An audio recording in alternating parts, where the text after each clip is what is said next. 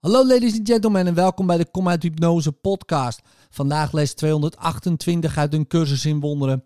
God heeft mij niet veroordeeld, ik doe dat evenmin.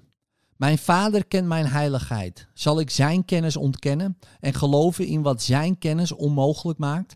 Zal ik voor waar aannemen wat hij onwaar verklaart? Of zal ik zijn woord accepteren over wat ik ben, aangezien hij mijn schepper is en degene die de ware hoedanigheid kent van zijn zoon.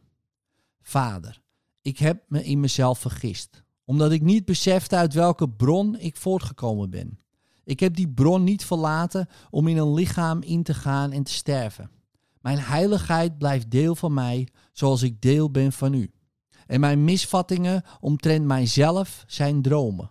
Ik laat ze vandaag varen en ik sta klaar om alleen uw woord te aanvaarden over wat ik werkelijk ben.